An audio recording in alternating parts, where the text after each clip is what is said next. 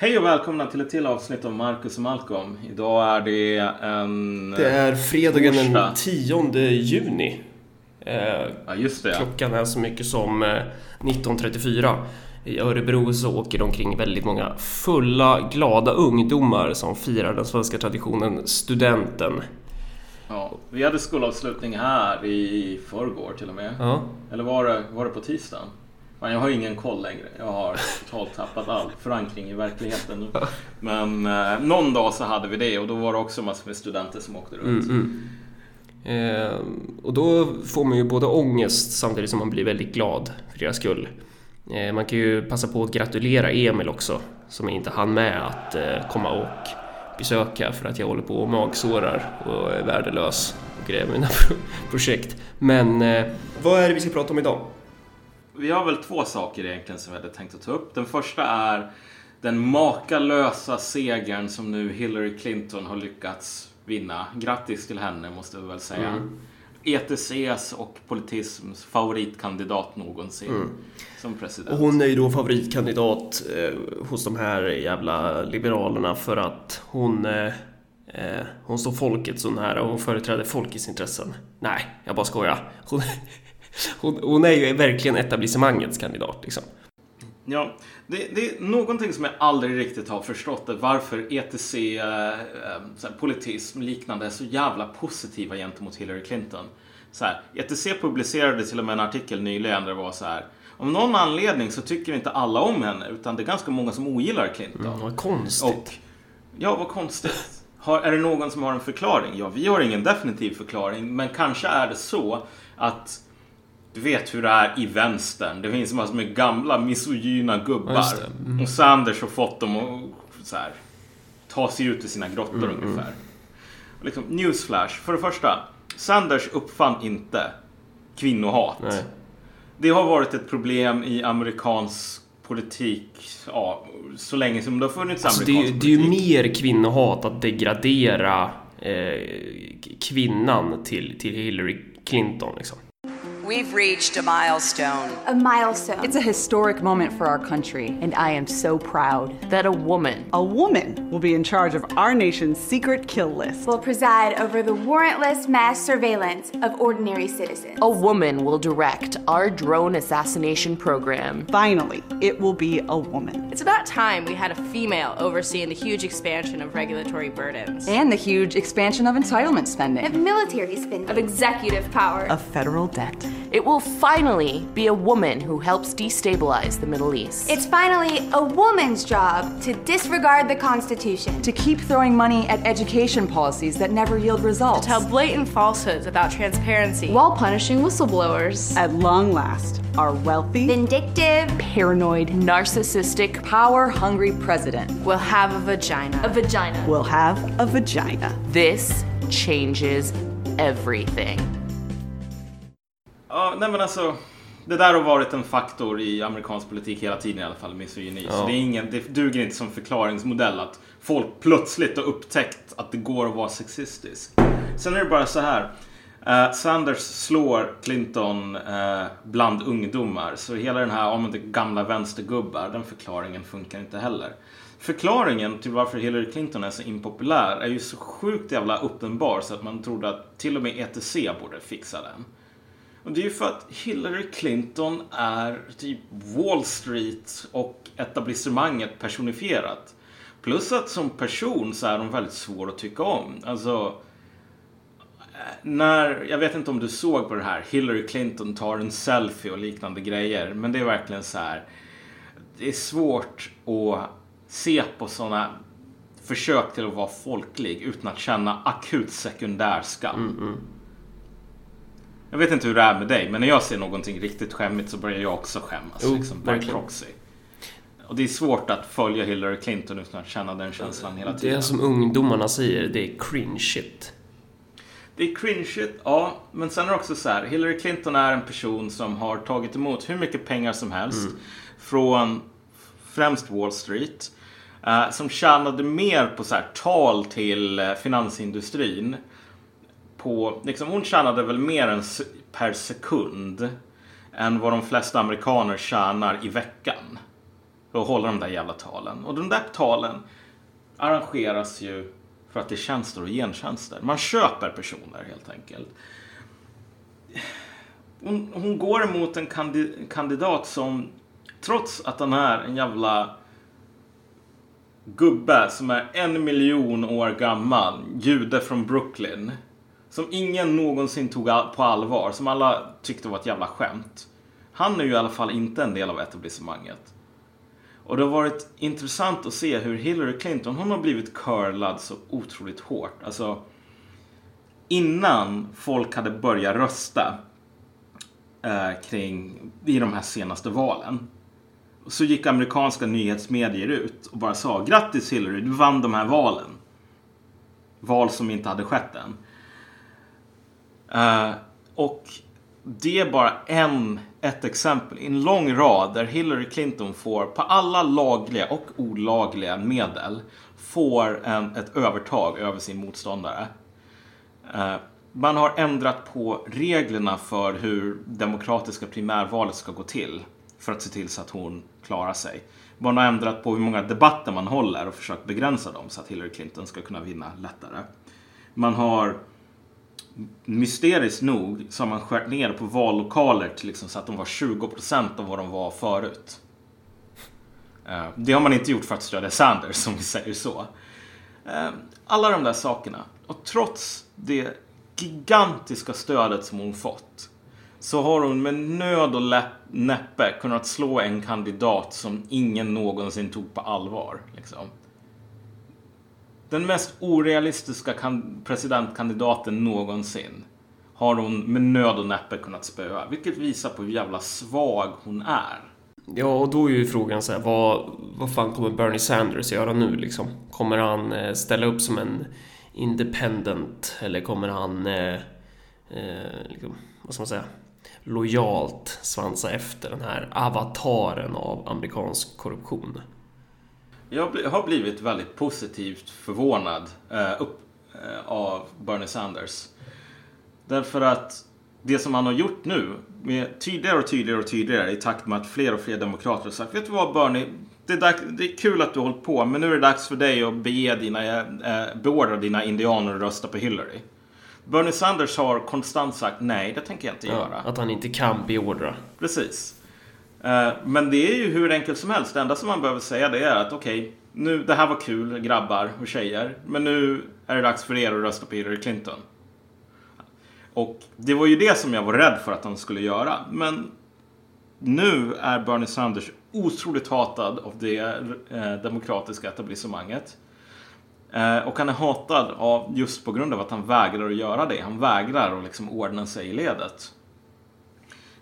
Men så länge som man gör det så kommer folk att vara, när de är frustrerade, vilket jag verkligen förstår att folk är, då kommer de att vara frustrerade på Hillary Clinton, de kommer att vara frustrerade på det demokratiska liksom, partiet, snarare än på ännu en person som sa att han brydde sig om dem, men sen stopp, stack kniven i ryggen mm, på mm. dem. Bernie Sanders har visat sig vara mycket bättre än så, vilket är jävligt nice faktiskt. Så att även om jag inte håller med liksom, all hans politik eller något sånt så jag måste respektera honom för att han förstod liksom, vad det var för någonting som han var en ledare för. Och förstod bättre än att sälja det. Liksom. Och jag har sagt det förut, jag säger det igen. Det här leder ju bara till att Trump kommer vinna det där jävla valet. Liksom. Trump, Trump ja. blir eh, USAs nästa president. Precis. Jag menar, för kolla. Hillary Clinton är en etablissemangskandidat. Uh, och hon ger Trump liksom a run for his money när det gäller att vara impopulär och hatad. Man kan förstå att Trump är impopulär och hatad och för honom behöver inte ens det alltid vara en svaghet. Men för Hillary Clinton är den här sortens siffror mycket mer av en svaghet därför att hon hon borde inte vara hatad om vi säger så liksom. Det, det, är ingenting, det är ingen strategi för henne utan det är bara ett resultat av hur jävla otroligt kass hon är. Hillary Clintons seger låter ju folk som vill låtsas som ja. det. Låtsas som att, ja oh, men okej, okay, allt är fortfarande okej. Okay. Men det här är egentligen en gigantisk förlust för, för etablissemanget. Att man mobiliserade hela sitt, sitt artilleri och man lyckades knappt knappt, knappt vinna mot en person som kallar sig socialist i USA. Liksom. Då visar det verkligen hur jävla svag man är. Så visst, okej, okay, de människorna som låtsas som att allting är fortfarande okej. Okay, de kommer att kunna göra det kanske ett år till. Men allting är inte. Nej, för det är ju det som är grejen att om man kan blicka bortom just de här eh, valprocedurerna.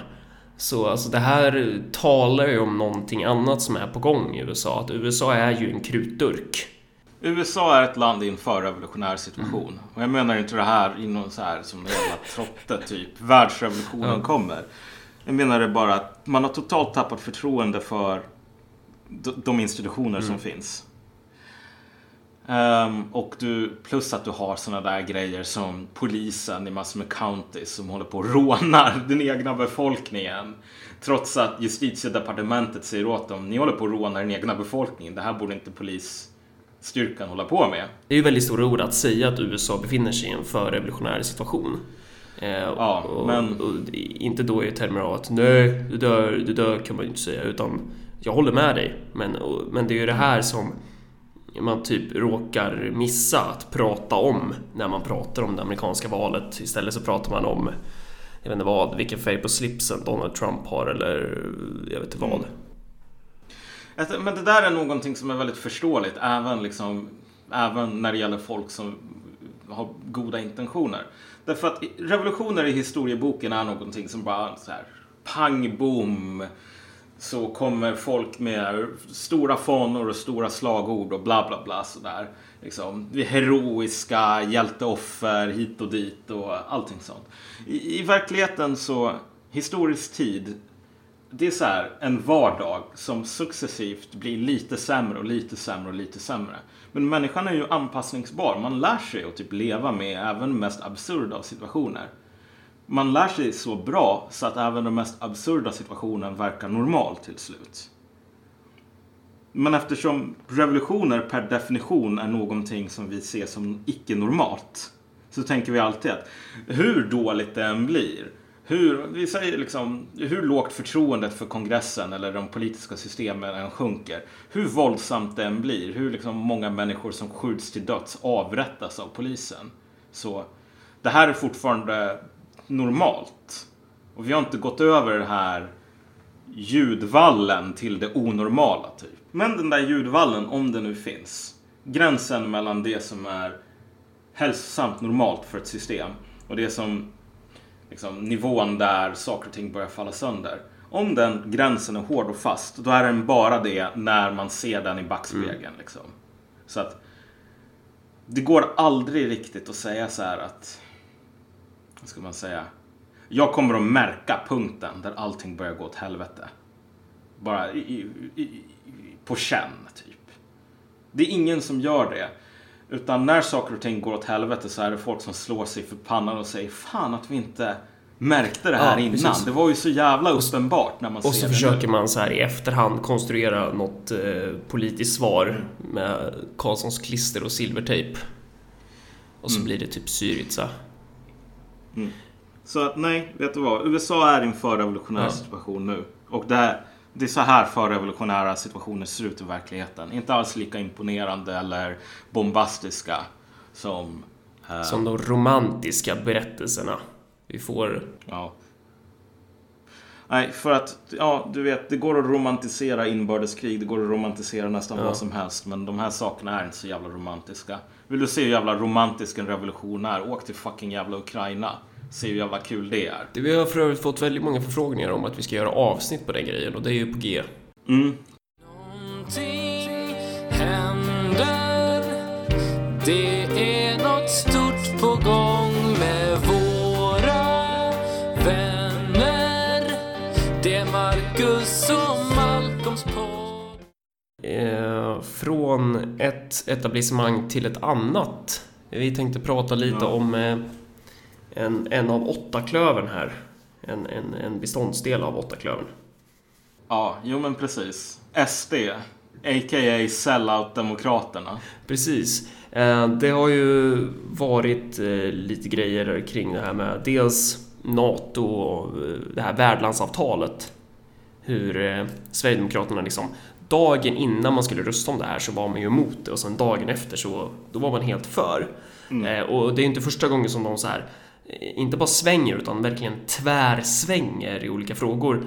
Eh, alltså du har ju till exempel eh, frågan om parasitintressen i välfärden, huruvida företag ska få sätta de gamla svenskarna som liksom byggt det här landet i, kissblöjor så.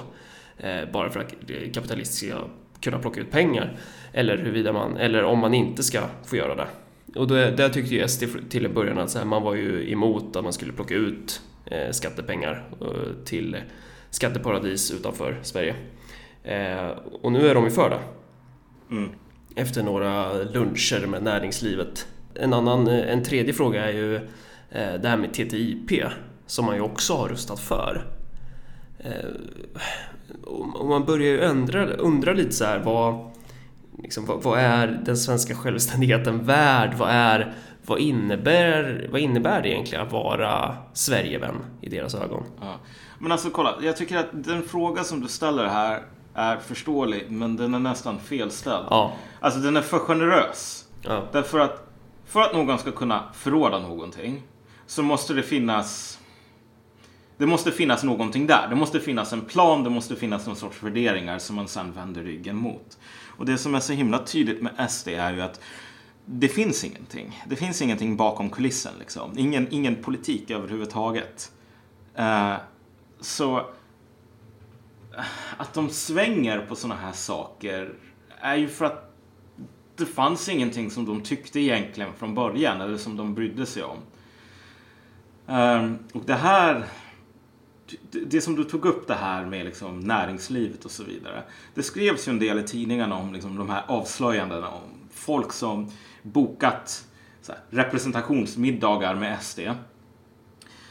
Eh, och där Sverigedemokrater alltså säger öppet i intern kommunikation att det är du som bestämmer hur den här lagtexten ska se ut. Det är du som får skriva den. Ja. Jag är bara här för att låtsas som att det här är mitt förslag. Eh, Men om du har några ändringar eller tillägg eller någonting så by all means, liksom. Skriv ner dem, skicka hur du vill att lagen ska se ut så fixar vi det. Det här är... ehm, man hamnar lätt i den här fällan, liksom, med tanke på SDs roll idag. Så hamnar man lätt i den här fällan att man håller på och eh, låtsas som att det här är ett parti befolkat av ondskans genius. Liksom. Ja. Människor som gör saker för att de är elaka och onda. Men, men det här är ett tecken på inkompetens. Ja, ja alltså, de, de målas ju upp som Svarte Petter hos politikerpartierna liksom. Eh, Ja. att, man attackerar ju inte SD för att vara korrupta politiker eftersom det går ju inte att attackera SD eh, i egenskap av korrupta politiker eftersom man själv är korrupt politiker. Mm. Men återigen, det är också att vara för generös mot SD. Därför Ja. att när, när Socialdemokraterna praktiserar korruption, Ja, då gör de det med årtionden av institutionell erfarenhet i ryggen. ja, Du köper inte en socialdemokrat för en jävla lunch för typ 800 spänn. nej. Du måste punga ut jävligt mycket mer. De vet liksom vad... Vad ska man säga? De vet hur mycket de här sakerna är värda. Om du ber dem typ sticka kniven i ryggen på Sveriges alla pensionärer. Då kommer de att sätta ett pris på det förräderiet som är i relation till hur många människor som får lida av det här. SD är så oerfarna, liksom, bara, bara inkompetenta. Så att när de, de är inte ens korrupta på ett, på ett ärligt sätt. Liksom. När vi talar om SD ska man också säga då att då menar vi ju främst partiledningen. För det är ju de som är, eh, ja de är ju typ partiet. Jo men precis. Alltså i slutändan så, det som man måste ha i minnet när det gäller SD, Ja. det är att de är otroligt stora i orden. Och det är också så att det är inte en produkt egentligen av deras egna propaganda eller något så här. Nej.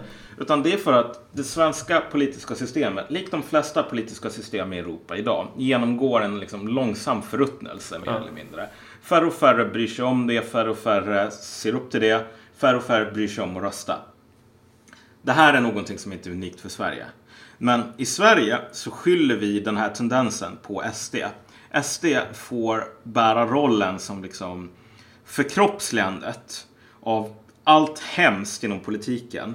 Förkroppsligandet av alla människa, människans dåliga sidor. Typ ett eko av Auschwitz och Birkenau hittar vi i partiledningen. Så här. Ett, ett tecken på hur dåliga människor kan vara. Liksom.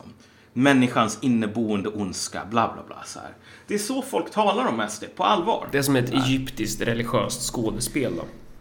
Jo men precis, alltså för att Ja, man kan ta så här. Det här är ju inte bara någonting i Egypten, utan det finns väl ganska många så här Ja, men- religiösa traditioner där någon har rollen att ta på sig typ där hundhuvudet. Ja, Anubis-masken liksom. Vad, Ja. vad fan var han? Dödsgud eller någon sån där skit? Eh, ja, Han- han var- eller jag, vi säger- don't quote me on that. Ja, vi, vi säger väl på närkenska så var han trälighetens gud liksom. Allt dåligt bara. Eller en del dåliga saker i alla fall. Ja. Mm, alltså, någon fick ta på sig masken och liksom spela rollen som den här onda guden, typ. Och så skulle alla kasta sten på den här personen. Och sen så, när den här personen har fördrivits, då har man också fördrivit ondskan, typ. Men det är ju egentligen inte det som händer. Man fördriver bara en person som på förhand har kommit överens om att ta på sig den här rollen. Liksom, om du tänker dig var den här termen syndabock kommer ifrån så är det väl en lite liknande princip. Den här bocken får bära all synd, typ. Eh, och så kan man slakta den eller göra vad man vill med den, typ. Och så slaktar man också synden. Eh, men så att, så att läser man Aftonbladet eller någonting så kommer SD alltid ha den här jättestora siluetten som typ allt som är dåligt. Men så fort man stirrar bakom den siluetten så ser man ju att det här är ju ett parti som bara är kast. Ja. Och inte då, inte då kast i att bara åh, jag tycker inte om era politik utan kast i metoden man, man opererar med sitt parti. Ja, men precis. Alltså, du kan inte säga att nazisterna var kassa. Därför att det var ett parti som gjorde saker. Liksom. Du kan säga att de nazisterna var hemska, men du kan inte säga att de var så här gravt inkompetenta på samma sätt som SD är. För om man ser till liksom vad SD håller på och motionerar om så är det otroligt mycket av det som, liksom, vad ska man säga, om, om det här är nationalism, det, det, då har du ungefär lika mycket relation till nationalism som typ kulturmarxism har för relation till marxism. Det är ungefär på den nivån. Det, det är sådana här förslag om att ah, men det är jättehemskt att vissa skolavslutningar inte firas i kyrkan längre. Vi måste få ett slut på det. Okej, ja. Jo, fine. Men det är inte politik, typ. Ja men det, det är ju den här liksom symbol, det är bara yta. Det är bara Ja. så symbolförslag. Bara häll baconfett över all mat så att det, så att det är haram.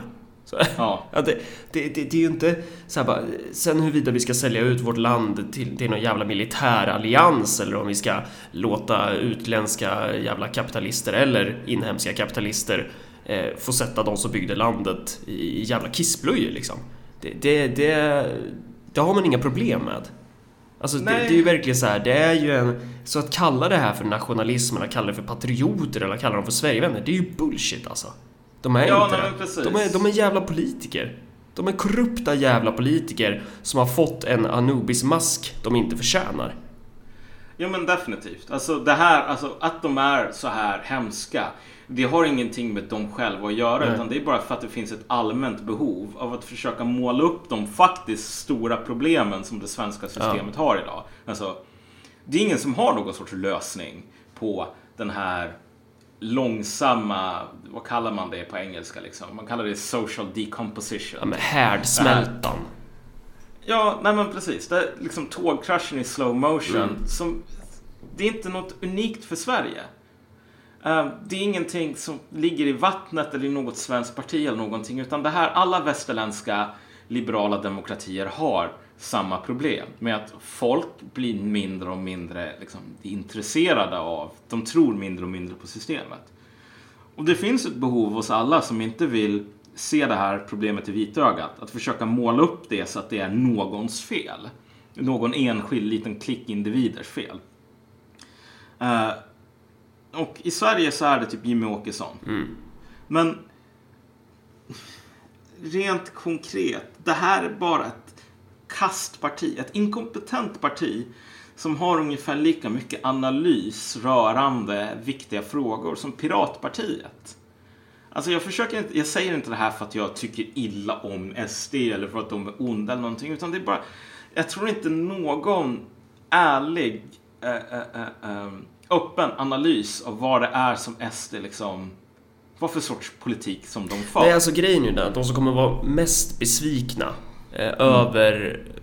Alltså om, om SD skulle komma till makten. Eh, de som skulle vara mest besvikna är ju SDs väljare. För att, för Ja. att de, de bygger ju upp en, eh, ett luftslott, alltså en berättelse som de aldrig någonsin kommer implementera annat än på typ den här lilla nivån av att kanske möjligtvis hälla baconfett på eh, potatisbullarna eller vad det nu kan vara. Liksom. Att, att det, så de, kommer aldrig värna svenska intressen for real.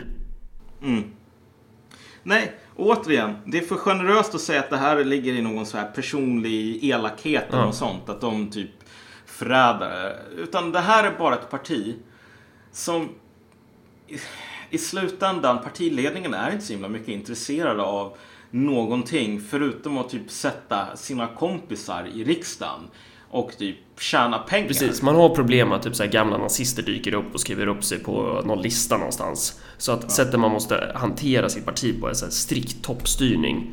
Eh, och vad är det man sätter på listorna då? Jo, sina släktingar, sin svärmor, sin flickvän. Alltså det är så här.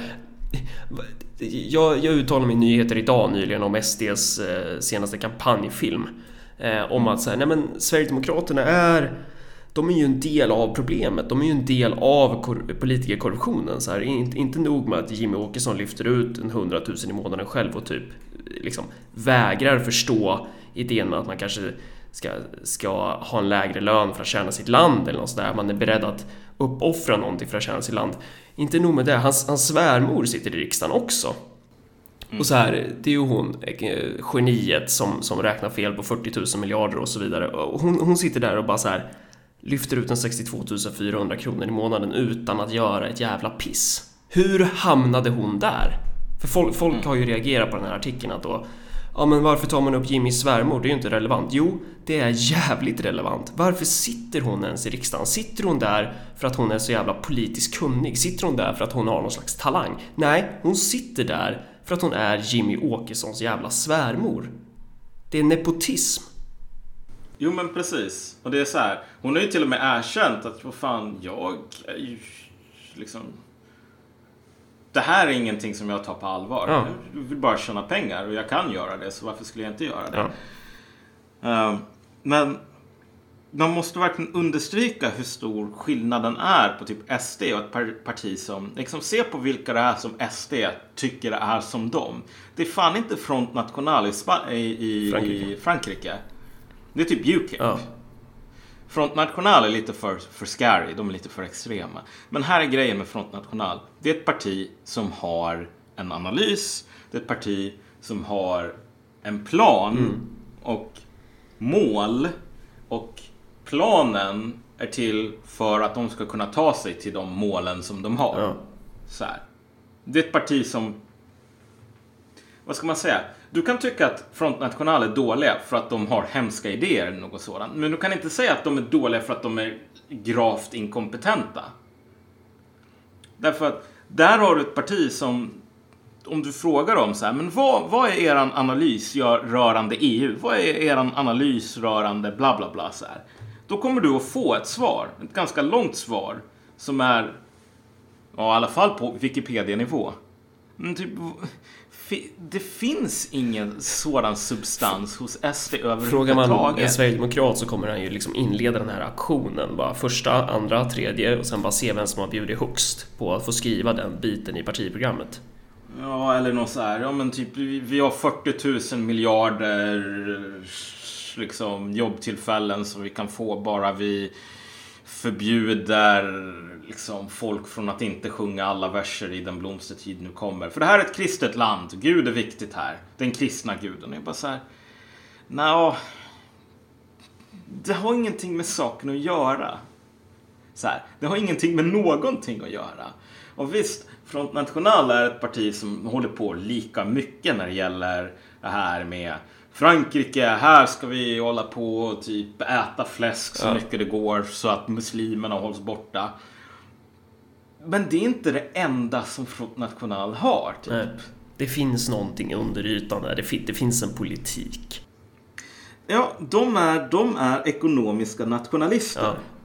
På riktigt. Och de är ekonomiska nationalister därför att när de talar om så här Frankrike, liksom Frankrike först, då menar de det på allvar. Och tar du upp det där i SD, det har ju varit sådana diskussioner på SDs vad heter, Mm. kongresser eller stämmor eller vad de kallar det.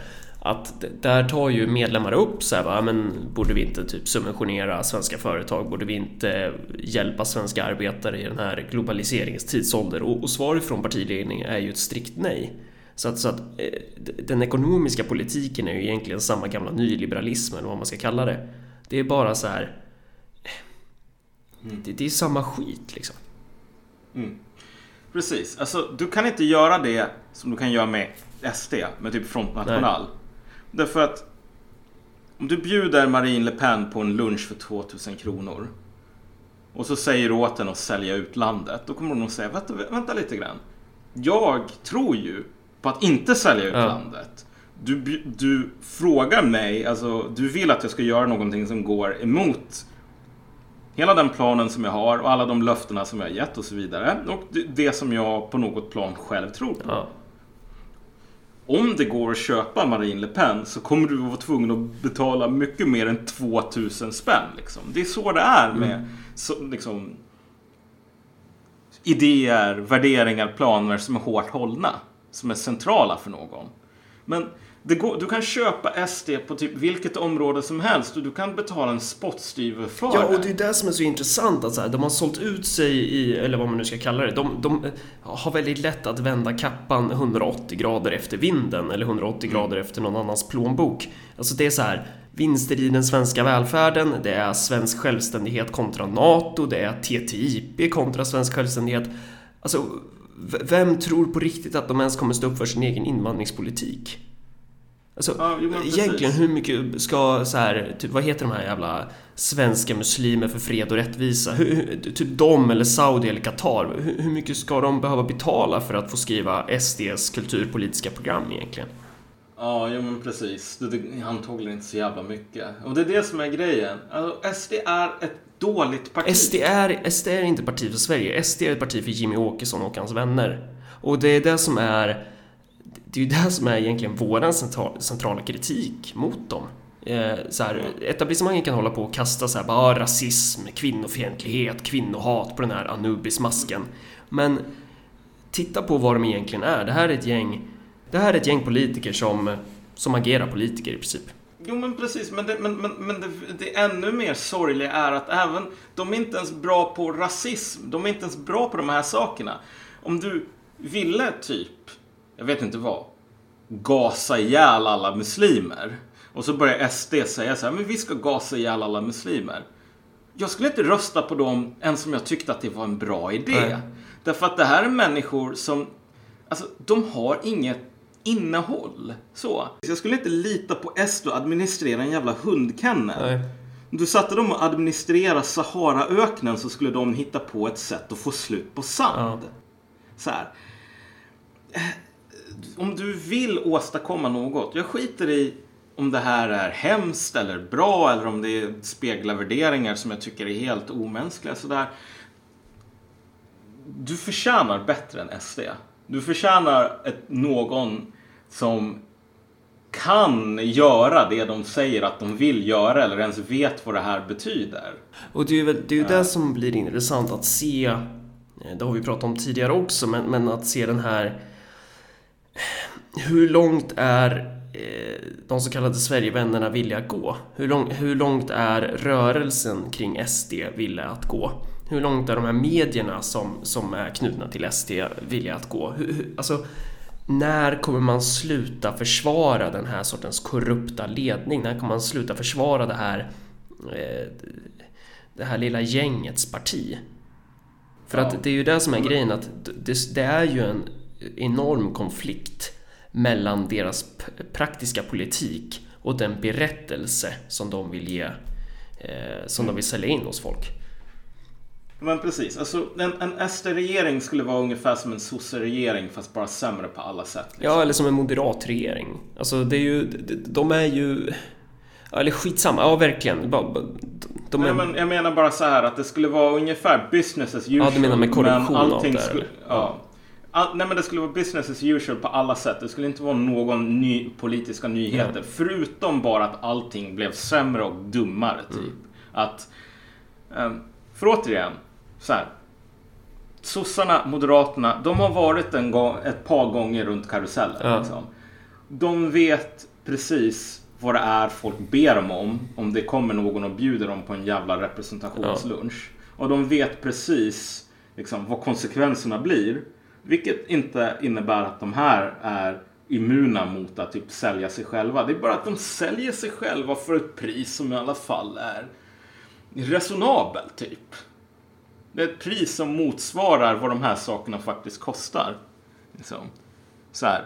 Du kommer fan få äldrevården såld till ett jävla företag som ägs av Jimmie Åkessons kompis för typ fem spänn. Alltså så gick det ju till i Sovjet. eh, när Sovjetunionen kollapsade. Så här, den som var kompis till en kompis kunde köpa en jävla oljekoncern för typ 10 kronor. Och jag menar inte det här 10 kronor som liksom så här, att det var väldigt billigt. Jag menar 10 kronor att det kostade 10 kronor att köpa den här byggnaden eller den här koncernen eller det här företaget. Det var bara looting på hög nivå. Och det är den, den sortens framtid som väntar med ett så inkompetent parti som SD. Ja, alltså de rider ju på den här vågen av att de är Sverigevänner. De rider ju på en, Mm. alltså Jimmy Åkesson surfar just nu på en våg. Men vad kommer hända när det kommer upp ett jävla galärskepp där och skriker att de är nationalister även i praktiken och verkligen visar det? Mm. Knuffar undan han från sin jävla plaskbräda. Ja men precis. Alltså, det värsta som kan hända SD är typ att de vinner. I slutändan. Ja, och att, och att Därför det att de kommer, kommer- ordent- alltså riktiga Sverigevänner. Ja, nej men precis. Men det kommer att komma sekunden som SD vinner på någonting. Och de visar att det här är ett parti som är till för typ Jimmy Åkesson och hans kompisar och ingenting annat. Eh, och de är inte ens bra på den biten. Därför att vill du hålla på med korruption, det gäller att sälja sig till ett högt pris nog. Så att du kan fortsätta att sälja dig Um, utan att liksom partyt tar slut. När alla upptäcker hur jävla dålig du är. Uh, så ja, nej, vi är inte så jävla imponerade av SD. Och vi tycker väl, både du och jag, att till och med nationalister förtjänar ett bättre parti än så. Liksom. Det, mm, ja, nej, SD, sellout-demokraterna. Jag tycker att det är ju den bästa beskrivningen om vad de håller på med.